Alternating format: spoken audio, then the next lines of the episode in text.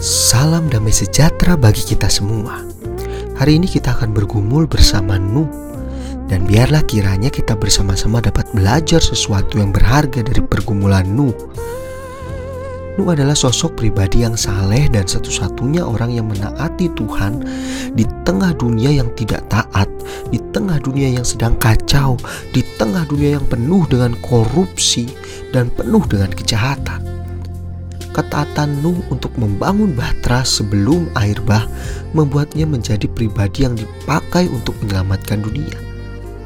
Ia diakui sebagai pribadi yang taat karena dia mengikuti apa yang Tuhan perintahkan dengan sangat tepat. Dan bahkan dia membawa semua jenis hewan yang diperintahkan Tuhan dan sama sekali tidak pernah membantah. Meskipun perintah itu tidak mudah, Bahkan dia harus menerima resiko dianggap gila oleh orang-orang yang menyaksikannya membangun batra. Namun Nuh tetap taat. Pada akhirnya, ketatan itulah yang justru membawa berkat besar dalam hidupnya dan juga seluruh keluarganya.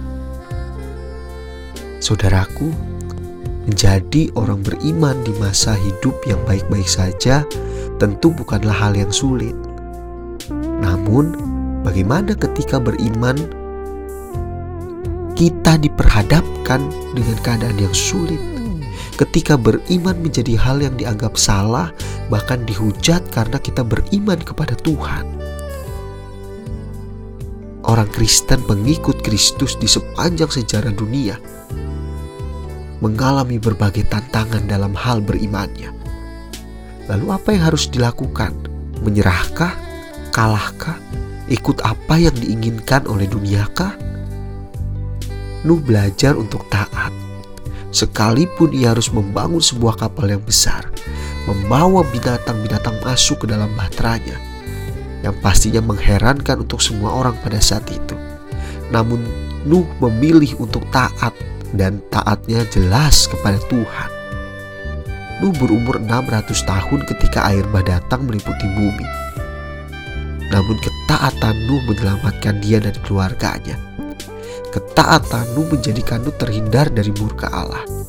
Oleh sebab itu saudaraku, marilah kita terus belajar untuk taat dan teguh karena taat dan teguh adalah ciri orang beriman. Taat dan teguh percaya kepada Tuhan. The Lord bless you and keep you.